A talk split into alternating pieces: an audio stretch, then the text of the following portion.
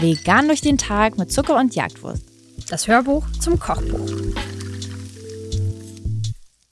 Ziemlich viele Rezepte für den Blog entwickeln wir ja, weil wir irgendwann mal das Original gegessen haben, das aber nicht vegan war und wir es das Essen einfach ein bisschen vermissen und dann versuchen, dass wir es irgendwie rein pflanzlich hinbekommen. Im Falle von unserem Tofu à la Bordelaise ist es allerdings so, dass wir das beide nie gegessen haben in fischig, in nicht vegan, oder? Äh, nee, ich auf gar keinen Fall. Ich habe es aber lieben gelernt in der veganen Variante. Ich mag ja oder mochte auch Fisch nie gern. Ich mag auch heute keine wirklichen Fischalternativen. Das ist einfach per se sozusagen ein Geschmack, der mir einfach nicht so richtig taugt. Es war aber natürlich dementsprechend erstmal eine kleine Herausforderung, dieses Rezept vegan zu machen, wenn man gar keine Ahnung hat, wie das Original denn schmeckt. Äh, was wir damals gemacht haben, ist, dass wir, also warum wollten wir es überhaupt wahrscheinlich nachmachen, weil wir, es sieht ja ehrlich was soll gesagt, das denn? schwierig mich zu sagen, Ja. woher die Grundintention kam, aber an sich, wenn ich das sehe im Laden, wir, im Supermarkt sieht man ja auch Sachen, die nicht vegan sind, logisch, ähm, und da finde ich, sah das schon immer irgendwie interessant aus mit dieser Kruste.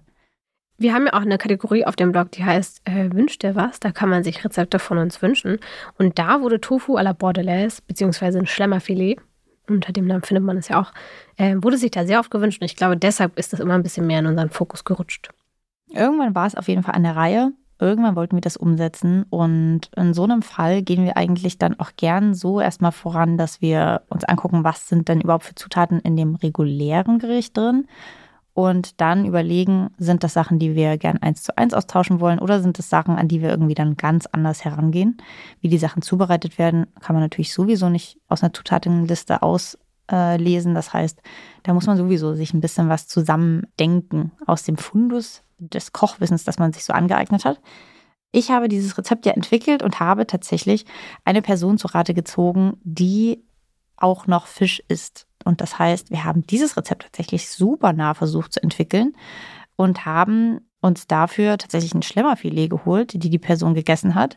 Und dann haben wir uns genau aufgeschrieben, welche Zutaten sind da drin, wie sind, ähm, wie ist so das Verhältnis. Ich habe immer ganz viele Fragen dazu gestellt und so habe ich mich dann nach und nach rangetastet.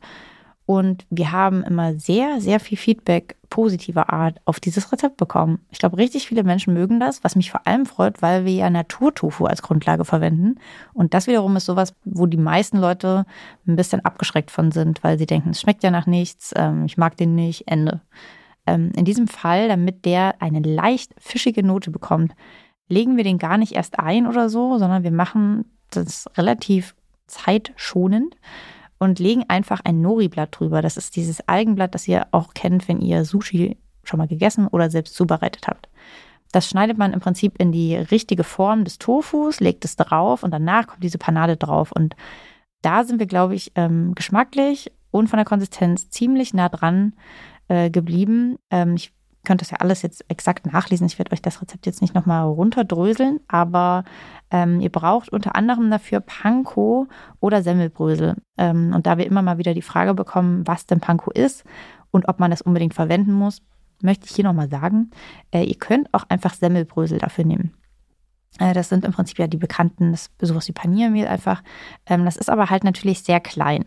Und dadurch, dass wir hier wirklich maximal Crunch gern möchten, würde ich euch empfehlen, mal im Asia-Supermarkt nach Panko zu suchen. Das ist die japanische Version von Semmelbröseln und die ist deutlich gröber und hat dadurch aber natürlich auch viel mehr Oberfläche, um auch knusprig zu werden. Seit ich das wahrscheinlich jemals mal benutzt habe, habe ich eigentlich immer eine sehr, sehr große Packung Panko da. Es gibt es auch mittlerweile in größeren Supermärkten, dort in der Asia-Abteilung. Aber ihr bekommt es für deutlich günstiger und für sozusagen mehr, äh, viel mehr Gewicht, wenn ihr es im Asiamarkt holt. Und wenn wir dann das Schlemmerfilet geschafft haben, geht es ja auch ein bisschen an die Beilagen. Du hast es jetzt serviert mit einer Zitronen-Senfsoße, Kartoffeln und Erbsen. Ist so ein bisschen der Klassiker, oder? Ja, ich finde, das ist ein richtiges, typisches Komponentenessen. Ja, da darf man nicht viel austauschen. Mit Nudeln? Nee. Mit Brokkoli? Ja, kann man machen, aber. Mm. Viele haben uns schon geschrieben, dass sie das vegane Schlemmerfilet auch einfach so mit Remoulade essen. Mhm. Also diese Soße, ich finde das eben ganz schön. Ich fand das jetzt schöner, als einfach nur ein Klecks Remoulade dazu zu geben. Aber könntet ihr natürlich machen. Ähm, ich habe mich übrigens auch damals gefragt, was eigentlich dieses à la Bordelaise so richtig zu bedeuten hat.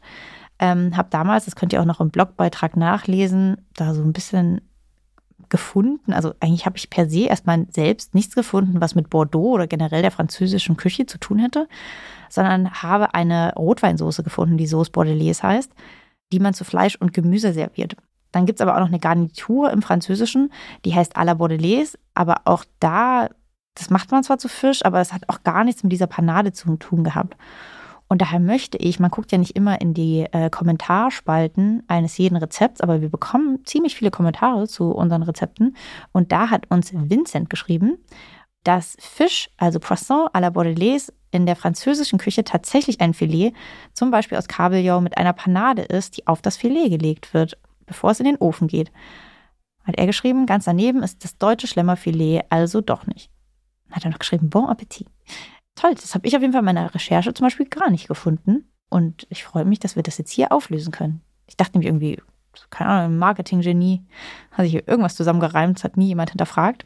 Aber siehe da, es scheint tatsächlich so ein bisschen aus der französischen Küche zu kommen. Und damit, finde ich, wirkt es auch gleich viel edler. Das ist auf einmal ein Feinschmeckeressen. ja, absolutes Feinschmeckeressen. Also doch kein Frosteressen mehr. Wir sind jetzt in der Haute Cuisine. Und damit ähm, ganz viel Freude mit eurem Bofrostessen oder eurem Feinschmeckeressen, wie ihr es auch immer zubereiten wollt.